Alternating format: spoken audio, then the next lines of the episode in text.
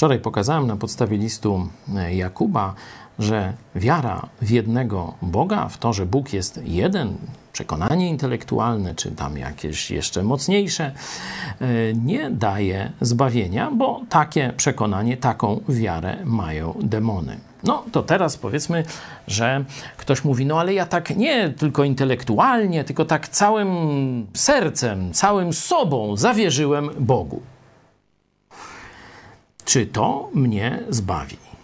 No to otwórzmy znowu Biblię, tym razem Dzieje Apostolskie, czwarty rozdział. Apostoł Piotr mówi tak, mówiąc o Jezusie. I nie ma w nikim innym zbawienia, albowiem nie ma żadnego innego imienia pod niebem danego ludziom, przez które moglibyśmy być zbawieni. Imię to jest konkretna osoba, postać.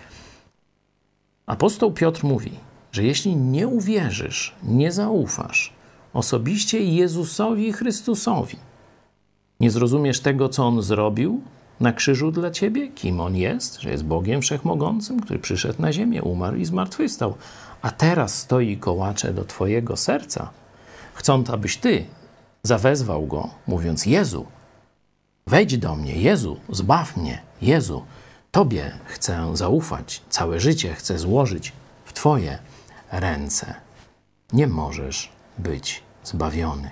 Wielu ludzi powie: Wierzę w Boga, ale ja ich zapytam: czy zaufałeś osobiście Jezusowi Chrystusowi? Dopiero to zbawia.